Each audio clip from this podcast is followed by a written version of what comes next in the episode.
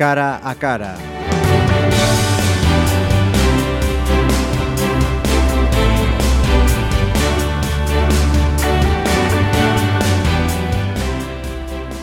Saludos, un cara a cara con felicitación en esta ocasión. Felicitación a un pontevedrés y a un comercio, vamos a decir, que de los veteranos, porque si no me equivoco, que él me corrija, eh, tiene ya 53 años. Ernesto Filgueira, bienvenido a Pontevedra Viva Radio. Hola. Enhorabuena, felicidades. ¿Por qué digo esto? Pues porque estos días acabas de recibir el premio a la trayectoria del comercio gallego de manos de la Federación Gallega de, de Comercio. Allí Sí. estuviste Así recibiendo... fue el jueves pasado de noche. Eh, la Federación Gallega pues hizo bueno, mención a varias empresas de la provincia, de tres de Pontevedra y aparte nosotros, porque bueno, mm, veían de nuestra trayectoria comercial y aparte personalmente mi trayectoria como defensor del asociacionismo, bueno, en este caso en Pontevedra, en la zona monumental. O sea, que se pone en valor el pequeño comercio y ese fomento, como bien dices, del asociacionismo Sí. Comercial. ¿Cómo recibís este premio y cómo va la dinámica de estos eh, premios? ¿O es el propio sector quien nos propone? ¿Es la federación el quien...? Sí, no, por lo que tengo entendido que son diferentes asociaciones, que en mi caso, eh, según parece, fue AEMPE, la Asociación de Empresarios de la Pequeña y Mediana Empresa, que bueno, yo también estoy ahí de, digamos, de directivo, eh, lógicamente por de mis diferentes ocupaciones y mis eh, historias donde estoy metido, pues cada vez puedo participar en, en menos, pero bueno, sigo muy activo en zona monumental y en otra serie de cosas que ando por ahí. Hay que decir que fuiste su presidente durante 20 años, lo dejaste en 2008, ¿no? 19 años presidente y llevo 8 de secretario. Entonces, bueno, eh, estos días pasados hubo también elecciones, no hubo ninguna eh, lista alternativa y, bueno, eh, hemos renovado eh, algún miembro, pero bueno, seguimos el, el equipo Miguel en presidencia y yo en secretaría, aparte otros compañeros que están, estaban y algunos que han entrado nuevos. ¿Eso cómo lo interpreta Ernesto? ¿Que lo estáis haciendo de maravilla o que vamos Bueno, a dejar que otros eh, tiren del, del carro? No, vamos a ver, eh, estos puestos, como la remuneración no es importante, o sea, Ajá. ninguna, pues bueno, eh, no hay muchos candidatos. Hay personas que tampoco le gusta, hay personas que, bueno, achacan a la falta de tiempo. Yo siempre le digo, cuando me dicen lo del tiempo, digo, bueno, pues yo tengo familia, tengo negocio, estoy eh, implicado en el tema de mi parroquia donde vivo, que es en Viascón, Cotobade. Estoy implicado en el mercantil en Pontevedra desde hace cinco años y pico, seis casi.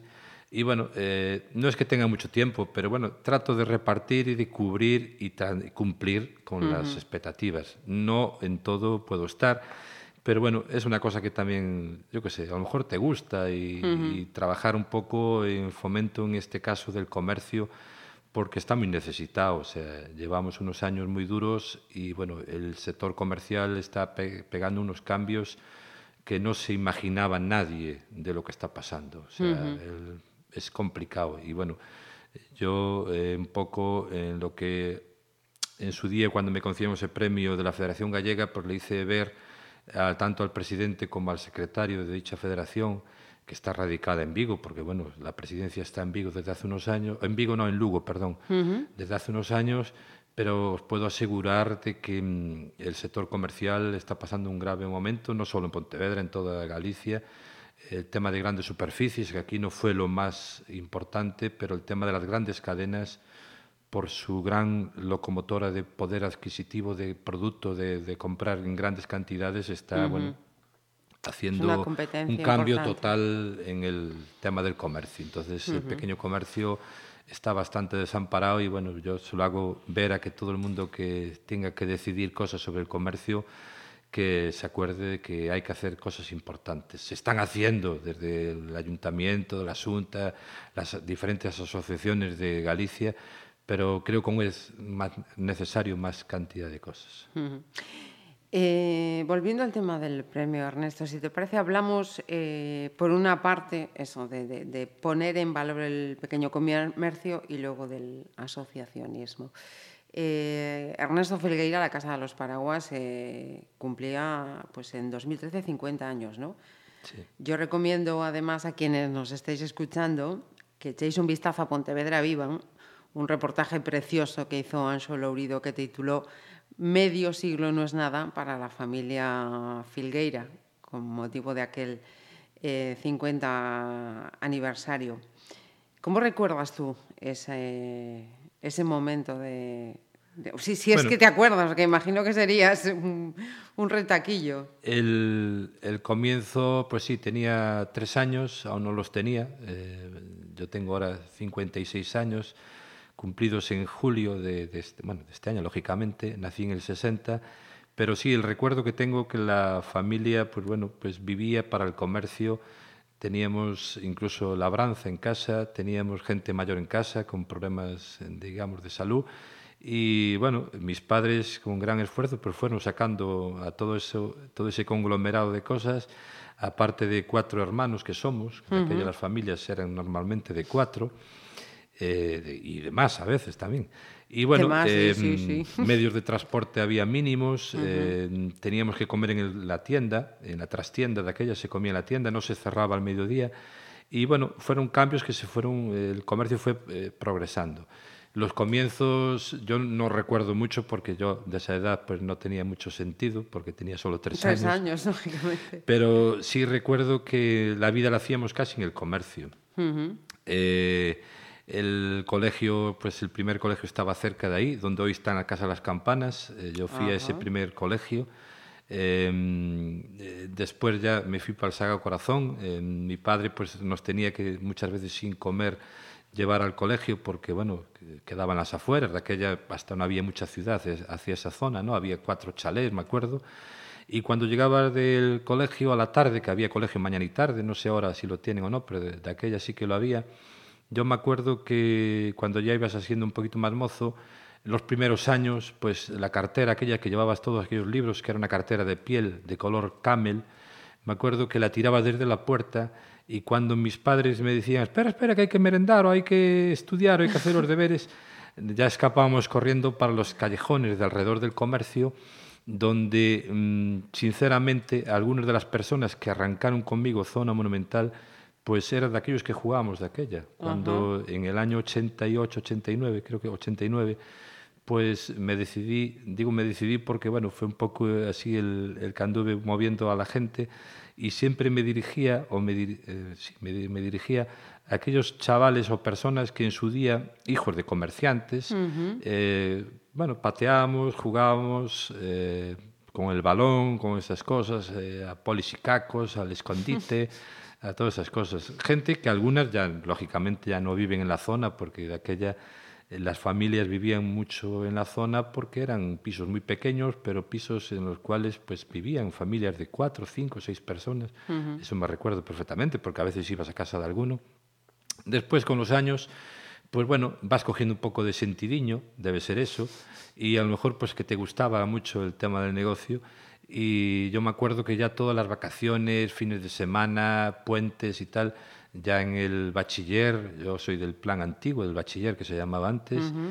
eh, pues bueno, yo pasaba allí muchos ratos. Eh, la verdad, de los hermanos pues fui el que más tiempo pasé en la tienda, me gustaba, y bueno, te va haciendo gusanillo, te va picando la, la cosa, ¿no?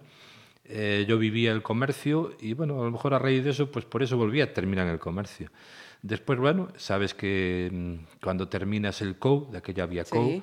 pues bueno, pues haces haces o algunos hacían carrera, otros no. Yo hice estudios de náutica, en los cuales, bueno, después estuve navegando dos años de prácticas, Anda. pero vi que aquello no era mi vida. Yo cuando me metí en náutica fue así una cosa bucólica, una cosa de que tenía mis abuelos por parte de mi madre que vivían en Brasil y, y a ver, la ilusión que tienes así de niño, va, a ver si un día en un barco pues llegamos a Brasil y veo los abuelos, porque no, no los conocía, aquella no los conocía.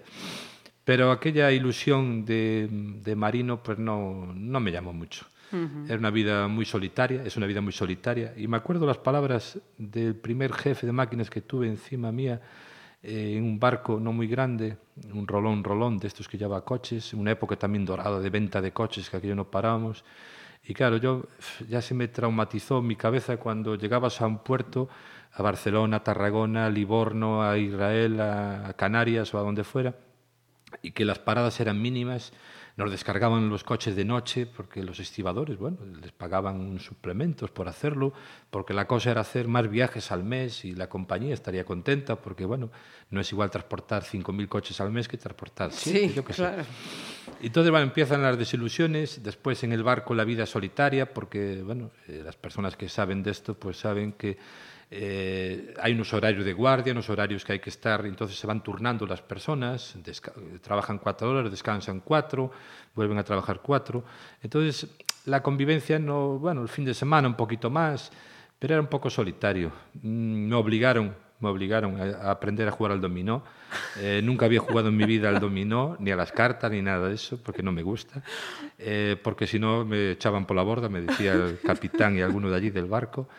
Eh, tuve que aprender al dominó. Eh, a veces ganaba alguna partida con mi compañero, a veces metía la gamba buena cantidad, pero bueno, algunas las ganaba. ¿eh? Eh, es una cosa que nunca volví a hacer, ¿eh? que quede Y después, bueno, fue cuando pasó esa etapa de esos más o menos dos años y, bueno, planteé a la familia de, bueno, de venir para tierra, porque aquello no, esa vida muy solitaria, de poco contacto con la gente. A mí, aunque de pequeño era así un poco cocón, hay que decirlo, por la gente que me conoce y hay que decirlo, pero después, no sé, vas, el mundo te va enseñando, te va abriendo más caminos. Y dando la vuelta. Y quizá te, te, haces un poco más sociable, no es que sea una persona así de mucho cachondeo, me gustan ciertas cosas, como en carnaval, mm. bueno, disfruto mucho del carnaval, vestido siempre, casi siempre de mujer, eso que lo quede claro, por si alguien me ve por ahí y se extraña. Pero eh, son esas cosas que, bueno, a veces dices, es que es un día, hay que celebrarlo bien. Sí. Entonces, bueno, pues me gusta eso. Entonces, bueno, pues mmm, eh, cogí y planteé a la familia el volver para casa, el volver a recoger, bueno, con mis padres, de aquella mis padres estaban activos y perfectamente, Ajá. Coger las riendas, me fui picando más en el tema, vi el grave deterioro de la zona monumental en aquellos momentos, el año 88, 89 creo que era, y fue cuando empecé a visitar eh, algunos locales que había abiertos en la zona, donde estaban al frente, bueno, pues gente a veces mayor o tan mayor como mis padres, pero que te conocían porque la vida la hacías sí, la, hiciste todo el día en la calle, allí, uh -huh. en medio de aquellos vecinos, que algunos, aún hoy vi una señora que tuviera un negocio en una zona, llevaba tiempo sin verla y hoy pues, vino a buscar allí un paraguas y bueno, te hace ilusión porque eh, viviste muchas horas, muchas, muchas historias, uh -huh. muchas anécdotas, muchos, bueno, incluso problemas. Y fue cuando fui visitando, me acuerdo perfectamente, tienda por tienda, de aquellas personas que sabía que había hijos al frente o que estaban ayudando a sus padres. Y fue cuando el embrión de aquella zona monumental, que con ilusión, pues una, un grupito de, de cuatro mataos, pues bueno, fuimos creciendo y, y bueno, haciendo cosas. Había muchos problemas de drogadicción, la gente se acordará de mucho trapicheo, mm. en los cuales tuvimos que hacer grandes antes, campañas. Antes de entrar ahí, que sí que es un capítulo que además eh, sí. merece incidir, porque mm, yo pienso que es un, un giro radical sí. el que se ha conseguido dar al centro histórico. Pero volviendo al, al negocio familiar, en vuestro caso, eh, por lo que estás contando, intuyo, eh, ese traspaso generacional de, de, de, de tus padres a ti no fue nada complicado. Y eso que es algo que generalmente suele ser complicado porque bueno, los padres ven el negocio de una manera, los hijos eh, lo ven de otra. En esos casos, pues bueno, yo eh, creo que a todo el mundo le pasará y le pasó y le pasará y le volverá a pasar de que mmm, a veces, bueno, pues las ideas de los padres tienen unas ideas, tienen unas maneras de trabajar que tú, pues bueno, tratas de cambiar, tienes a lo mejor más acceso a información. Ellos, la verdad, eh, pedalearon muy fuerte. Uh -huh. Mi padre venía de una gran cadena de, de tiendas, que es Almacenes Simeón, que bueno, conocido uh -huh. en todos lados. Estuvo 21 años en tienda y en venta de comercial, ahí por las rías. Mi madre no, mi madre eh, hizo magisterio, de aquella se llamaba de otra manera, pero bueno, lo que es hoy maestra o tal, uh -huh. no ejerció, pero bueno, hizo esa carrera en Pontevedra. Pero quiero decir de que mm, a veces, bueno, pues tú tienes más acceso a información, hiciste preparaciones, hiciste cursos, eh, acuerdo, la ya Cámara de tenías Comercio. una visión más amplia. Claro, eh, yo qué sé, información que te va llegando por revistas, por visitas que habías hecho a ciertos sitios y bueno, querías hacer algún cambio que te cuesta un poco más cuando hay a veces tus padres están al frente, pues bueno, cuesta, cuesta un poco. Yo quiero decir que hay días que te coges cabreos incluso, pero bueno, hay otros días que satisfacciones. También, lógicamente, aprendes mucho de esas personas, esas Sí, personas sí. que que lo vivieron desde abajo también son unos grandes enseñantes. Yo reconozco las empresas que nacen desde abajo tienen, para mí tienen un mérito que no, bueno, que no tienen a veces estos gurús de la economía, hablando del comercio, ¿no? Que sí, que son muy teóricos, pero a veces no tienen esa esa práctica, esa, esa filosofía de la vida, del mundo que, te- que, le- que esta gente te puede enseñar. O sea, yo creo que es compatible. Pero bueno, eh, es verdad que, que hay roces, que hay cabreos, que hay enfados, que hay días de alegría y que hay ilusión y que con ganas de trabajar. O sea, Y ahí sigue, Sí, con sí, 53 años. Y retomando ahora, ¿no? Ese, esa decisión de coger las, las riendas que decías tú, esos contactos con, con- con aquella generación con la que habías estado jugando, que eran hijos también de, Sí, sí. de comerciantes, entras en un momento complicadísimo en el centro histórico en muy el que complicado. Yo recuerdo, de hecho, cuando Eh, llegué a la ciudad, que me decían, de ahí en adelante sí, no bueno. pases. No, no, es que es- eso era verídico y real. Eh, aparte, a mí me pasó una cosa que eh, yo como estuve esos dos años muy centrado en el tema de las prácticas por sacarlas del medio de una vez, yo me acuerdo que, claro, fueron dos años, no que desconecté total de Pontevedra, porque no es verdad, no estuve los dos años fuera de Pontevedra, pero estuve un tiempo muy largo y las paradas que hacía eran muy cortas, entonces no te daba, o sea, a veces no das crédito a lo que estabas viendo, viviendo. Y yo me acuerdo cuando ya decidí desembarcar y dejar y, y hacer lo que dije, de, de plantear a la familia, a mis padres, de, de quedar allí, yo, eh, aquello me asustó, me asustó de tal manera porque además veía chavales que alguno incluso había estudiado conmigo, otros eran de una generación siguiente a la mía, que fue una generación muy conflictiva, los que hoy tienen 54, 55, 53, anda por ahí, y a mí me daba pena en el fondo porque a veces sabías que eran hijos de, familia, de familiares, no, bueno, no tuve gran cosa, pero de amigos o de amistades o de clientes de la tienda. Entonces, eh, la verdad, claro, ellos ocupaban un espacio, eh, ocupaban unos lugares, pero yo siempre le decía, dije, coño, eh, fulanito, no voy a nombrar a nadie, pero es que, es que ya veis que vuestra presencia, sí, hombre, Filgueira, es que claro, es que nosotros también tenemos que estar y estamos perdidos y tal. Y dije, ya, pero es que tenéis que comprender que aquí hay unos negocios, hay unas familias, hay unos, unos, unos vecinos que necesitan hacer su vida. Y si vosotros ah, le hipotecáis la vida, esto arruinamos todo. Para las familias, las empresas, los empleos, o sea, es que son muchas personas que dependen de un centro histórico, como tú dices, de alrededor. Porque no solo las personas que están al frente del negocio, es que hay otras que están alrededor. Si cierra ese comercio, pues cierra el transporte, deja de traer paquetes, dejan de traer... de- Y todo lo que no entra. la, la que sirve la luz no, no vende luz, la que el agua del ayuntamiento no cobra agua. O sea, hay una serie de cosas que es muy grave. Y bueno, eh, sinceramente, a base de mucha insistencia, mucha insistencia, de mucha gente que se volcó, incluso autoridades que nos han echado una mano, hay que decirlo, pero bueno, costó mucho y hoy, eh, si te he visto, no me acuerdo. O sea, no, prefiero es que- pasar página porque fueron unos años muy, muy complicados, ya te digo, y fue un deterioro que pudo haber arruinado, como ha arruinado en muchas zonas de España o de Galicia, eh, zonas históricas. Digo históricas porque, eh, claro, la zona histórica también tuvo un proceso que, eh, como antes decía, allí vivían familias en todos los pisos, todas las, todos los todos los, lugares estaban eh, con inquilinos. Eh, esto mismo, donde estáis ahora, es una oficina, pero seguramente en tiempos fue, aquí vivió una familia. De aquellos pisos son mucho más pequeños, mucho más angostos, mucho más tal, pero vivían familias de tres, cuatro, cinco personas, y a veces más, yo creo. Y entonces, claro, todo ese mundo que dejó de andar por las calles, eh, bueno, para mí es un punto de, de- de inflexión. Inflexión, ujú. Y después, bueno, eh, sigo yo. Porque para mí otro, hubo otro punto de inflexión. ¿no? Sí. Eh, la administración municipal, eh, hay que decirlo, cuando el alcalde Juan Luis Pedrosa tomó las riendas, porque bueno, yo tuve varios alcaldes y puedo hablar de varios que bueno, siempre he tenido contacto, ilusión, ganas de trabajar y me daba igual del color político. Pero bueno, Juan Luis Pedrosa en su día, una decisión política, el famoso plan Urban, Plan aquel, Urban, que bueno, mucha gente, ah, se tiró el, el dinero, germen, se tiró el dinero, germen. hombre, se tiró el dinero, porque en todas esas cosas siempre hay dinero que se pierde, por, por a veces negligencia de los ciudadanos, a veces negligencia de los políticos que también no saben repartir o no saben actuar para que salgan los temas.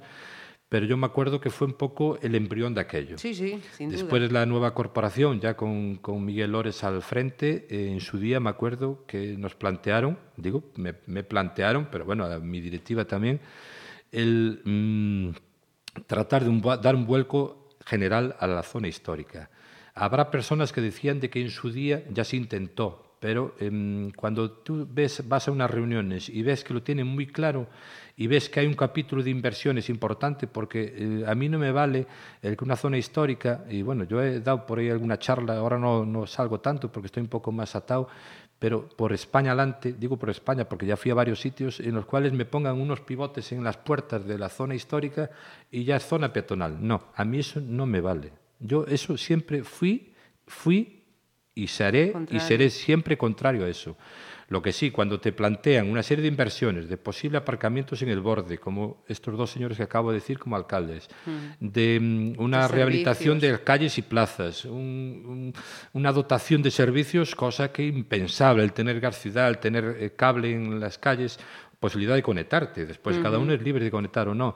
El cambiar todos esos servicios, el dinamizar la zona, importantísimo, donde la administración municipal se volcó eh, totalmente y nosotros como asociación nos hemos volcado totalmente. Yo sé de personas, comerciantes que estaban allí, que decían, pero es que esa no era nuestra labor. Y dije, pero no es nuestra labor, pero tenemos que colaborar, participar, desarrollar, inventar, porque todo está hecho. Lo que tenemos que traer es la gente a la ciudad, a la zona histórica.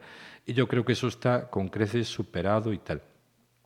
Eh, creo que fue un poco el, el otro punto de inflexión. O sea, para mí son dos puntos muy importantes en la trayectoria de, de nuestra centro. empresa y de las empresas de alrededor y de la zona monumental en particular. Y todavía supongo que pensáis que hay que hacer, ¿no? Sí, sí, Aún no, esto es imparable, o sea, y más en estos tiempos que están, en donde el poder adquisitivo bajó mucho, hay que decirlo. No es solo echarle la culpa al tiempo, no es solo echar la culpa a, A la crisis. a la crisis, o sea, hay mucha serie de cosas, hay una serie, como decía antes, las grandes cadenas están haciendo una merma importante en el sector textil, el calzado y otros muchos, seguramente el regalo también, controlo menos, pero bueno, yo creo que también eh, son cosas que todos van mermando el poder adquisitivo de las personas. Las familias sé que están pasándolo, lo han pasado muy mal y aún lo están pasando muchas muy mal porque se le ha rebajado el poder adquisitivo por diferentes motivos, porque está en el paro, porque le han rebajado horas de trabajo, lógicamente eh, sueldo, y eso se nota en las familias. Cuando te viene a gastar una persona que te compraba, pues, eh, no sé, un, vestimenta de un hombre de camisa y pantalón y hoy te llevan una cosa y a lo mejor para el mes otra o dentro de dos. Bueno, eso se nota en la merma de ingresos de las empresas y claro, los pagos, los han crecido mucho los, eh, los impuestos, los pagos, los IVA, bueno, toda una serie de... Mira, y hace unos meses, eh, haciendo así también una ronda por, por este cambio, esta transformación que ha tenido el, el centro histórico, sí que eh, encontraba muchos comentarios en un mismo sentido, y es eh, la plaza de Abastos. Todavía sigue siendo una asignatura pendiente para que siga siendo también otro gran foco de, de- de- de atracción y dinamización. Bueno, del nosotros, mm, sinceramente, como asociación, eh, eh, hemos creído mucho en la Plaza de Abastos porque era nuestra locomotora, hay que decirlo. Eh, hace unos años, aún sin hacer la Plaza de Abastos, estaba el solar vacío. Una persona eh, vino a hablar conmigo y me dijo, Ernesto, ¿y si no hacemos la plaza aquí? Y yo quedé mirando, como diciendo, tú estás loco. Esa persona vive, ¿eh? está en Pontevedra y vive. No voy a nombrarla porque no quiero crear polémicas tontas. Pero os puedo asegurar que aquel día, a veces me pongo a pensar y digo, aquel día a lo mejor si le hubiera hecho caso a esta persona, hoy a lo mejor teníamos otra cosa. Que a lo mejor no funcionó, no lo sabíamos. Porque claro, a toro pasado todos tenemos soluciones. El problema es ver el día a día. Sí. Eh, nosotros llevamos unos años dándonos cuenta que la, la plaza tiene su tirón, pero que tenemos que tener más tirón. Entonces, bueno, pues esas reuniones que hacemos con las concejalías diversas, del ayuntamiento, digo diversas porque a veces tocan varias, Sí. creemos que estamos enfocando el tema de una manera ilusionante. Hoy venían noticias precisamente de que con esos fondos europeos que se consiguieron, que son muy dignos de entrar en Pontevedra, porque todo el dinero que entre a mayores, eso es dinero a mayores. Lo que tenemos ya lo tenemos, hay que tratar de conseguir afuera. Es igual que lo de vender las empresas cuando van a vender fuera. ¿Por qué van? Porque quieren vender más. Lógicamente, si el mercado está copado, tendrán que buscar nuevos sitios. Bueno, pues yo lo entiendo así. Si tú tienes no sé cuánto de presupuesto municipal, pero a mayores te vienen 10 millones de euros, son 10 millones de euros que le pueden levantar la pandereta a una zona, en Sí, este sí, caso, de varios proyectos que tienen previsto. Son proyectos que se han hablado con las concejalías, que en su día hemos apostado, que hemos apoyado como asociación y que creemos en ellos. Creemos de que los tiempos han cambiado, están cambiando, entonces tenemos el, el- el momento está en un tema mm, de que el ocio, el tema, creo que la gente está mm, cambiando el uso del dinero, el gasto, el gasto de familiar está reorientándose y claro, eso es lo que a veces perjudica a algunos sectores y favorece a A otros, otros. pero tenemos que estar atentos y tenemos que buscar la manera de colaborar, de incentivar, de participar en todo eso. Nosotros, ellos lo saben, el ayuntamiento sabe que con nosotros va a contar siempre, porque todo lo que sea bueno para la zona va a ser bueno para Pontevedra Claro. y va a ser bueno para Galicia. Entonces, creemos en ello y creemos de que eh, el mercado se le puede dar un vuelco aprovechando un envase espectacular en una zona que está espectacular y con las mejoras que se han hecho en el entorno eh, es digno de disfrutar. Eh, los comentarios que a veces te hacen la gente de fuera cuando traes tú algún amigo o personas que te vienen a la tienda y te compran alguna cosa o te preguntan cualquier cosa y quedan asustados de la transformación que ha tenido esta ciudad. Sí. Eso es muy importante, muy importante y tenemos que estar orgullosos de eso. Haga quien lo haga, hiciera quien lo hiciera. Y lo que no podemos volver atrás, tenemos que seguir Hacia mirando adelante. para adelante. Esa es mi postura.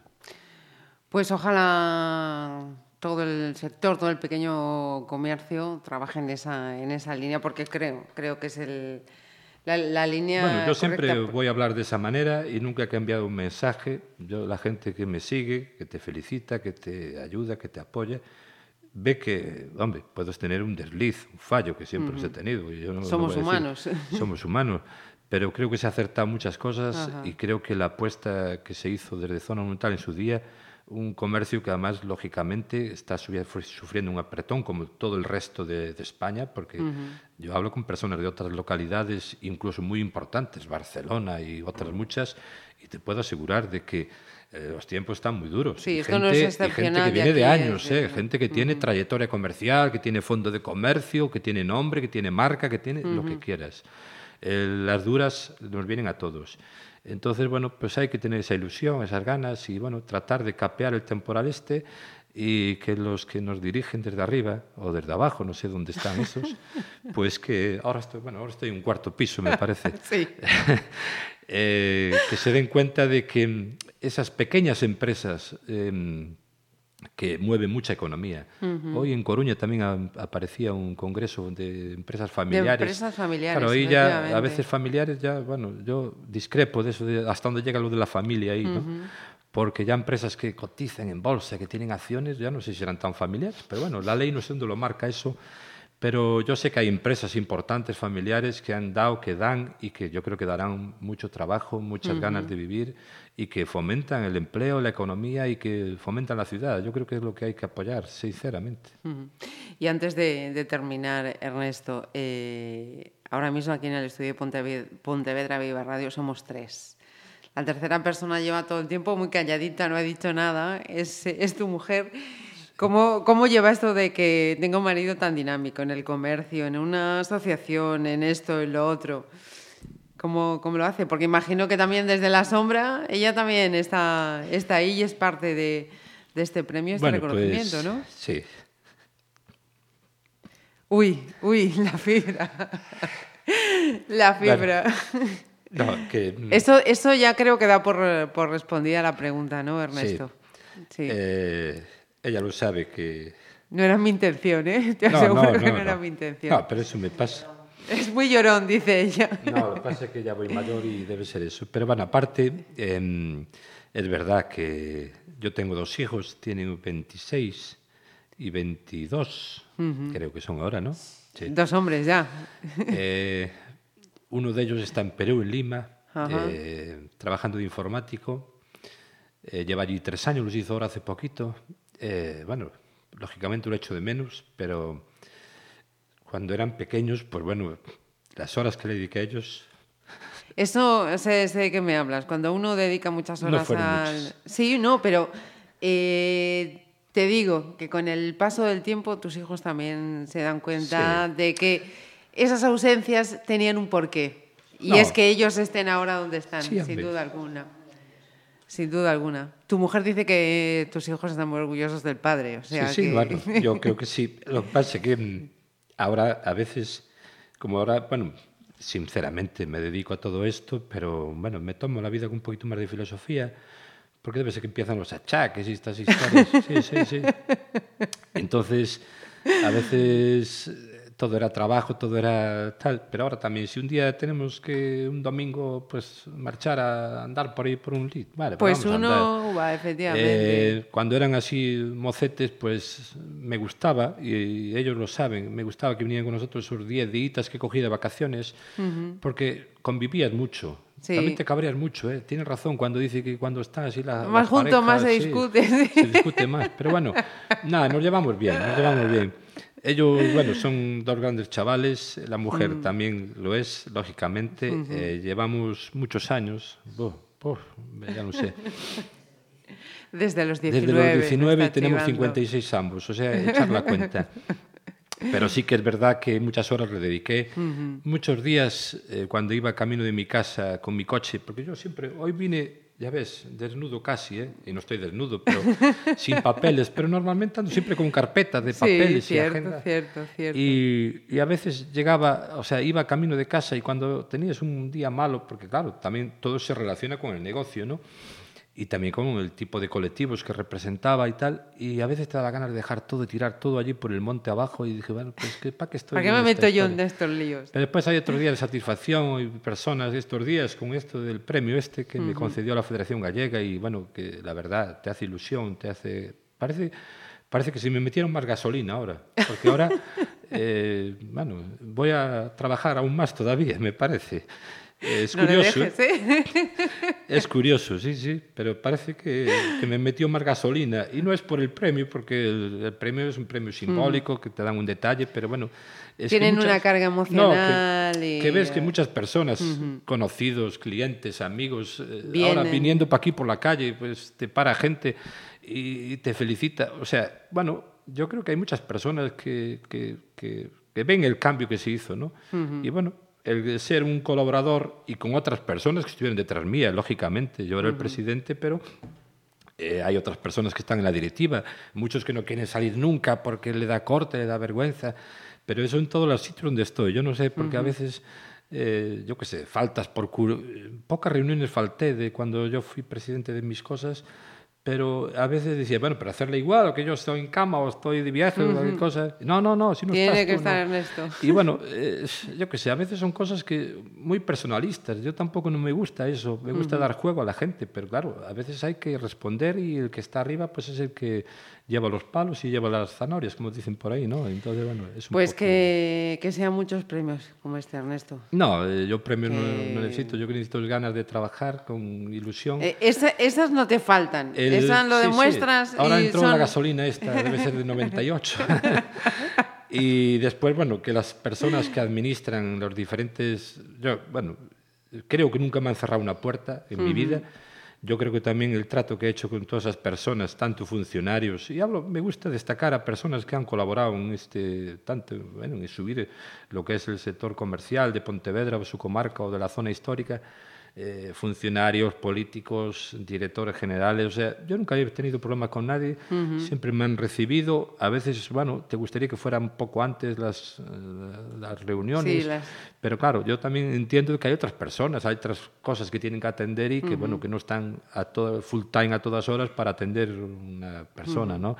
Pero bueno, siempre he tenido al teléfono de vuelta esas personas y no quiero nombrar a nadie porque me voy a olvidar de muchas, pero en todas las administraciones, Diputación, Concello, Xunta, eh, empresas particulares y personas uh -huh. que, bueno, que, que, bueno, que has que molestado, que has, que has vivido con ellas, que has convivido, que has presentado proyectos que has debatido cosas, a veces no estamos de acuerdo en muchas cosas, porque claro, esto es un mundo muy variado y no tenemos por qué estar todos de acuerdo, pero siempre fui una persona de llevar a consenso las cosas y, y eso me viene a colación ahora de lo que está pasando en, el gobierno, ¿no? en Madrid, que estoy cabreado porque es increíble que no se sienten, porque el problema de todo esto es que hay que sentarse. Mm. Eh, lo que no se pueden es andar mandando mensajes por la radio, por los medios.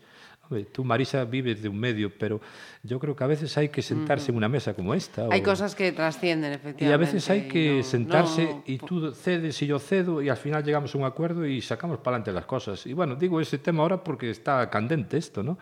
Eh, bueno, cada uno tiene, lógicamente defiende sus ideas, sus y eso, y eso también nos va a todos. Pero, pero igual que en una administración aquí municipal hubo gobiernos de bipartitos, tripartitos, no sé si hubo alguna vez, pero bueno, eh, yo qué sé, ¿qué, tiene arreglo. Uh -huh. las personas son todas iguales, o sea, tiene sus variantes, sus cosas, pero después las ideas hay pero al maneras... Final, al final es que estabas hablando tú, ese trabajo que hacíais en el centro histórico no era para vosotros, era para no, todos. No, Entonces eso, yo creo que es tan sencillo eso siempre, como eso. Eso siempre Mi modesta lo antepuse, opinión, ¿eh? lo antepuse. Uh -huh. Yo sé que hay personas que se meten representando a diferentes colectivos que a lo mejor buscan su pomada personal, pero bueno, personalmente yo nunca lo he hecho.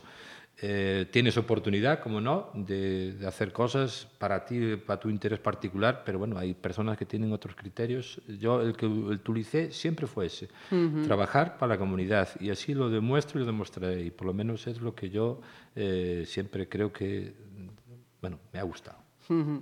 Pues Ernesto Felgueira, insistimos, enhorabuena y muchas, muchas gracias. gracias por esta entrevista porque además he conocido algunas cosas de Ernesto, fíjate tú, que no, que no sabía yo. Bueno, esa es parte, que a veces algunas cosas son escondidas. También mucha gente piensa que estoy soltero y que a veces ¿Sí? tengo una mujer.